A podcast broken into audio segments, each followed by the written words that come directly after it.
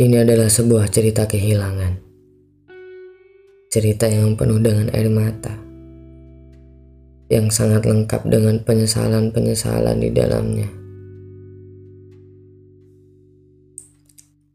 Perpisahan yang sangat indah seperti cerita yang ditulis dalam novel-novel atau film-film romantis yang endingnya ditinggalkan atau meninggalkan menyakiti atau disakiti.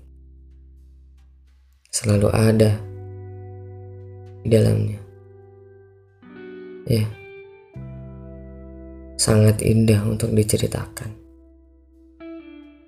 Tapi percayalah, ini tidak sama sekali indah untuk aku yang merasakan.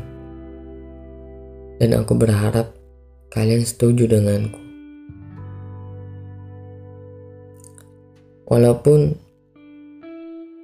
tidak jarang di dalamnya ada kenangan-kenangan manis yang sering kali membuatku nyaris tersenyum lagi. Yang bahkan aksara pun kehabisan kosakata untuk menampung betapa indahnya penggalan cerita kala itu.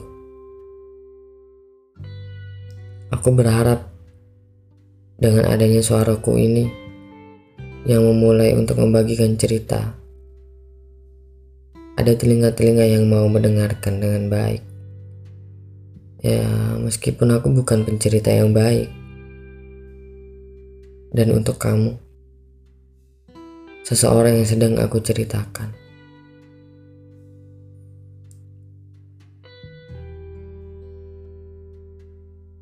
Semoga kamu bisa memahami kenapa aku sebegitunya waktu itu. Akan aku mulai dari pertama kali kita kenal.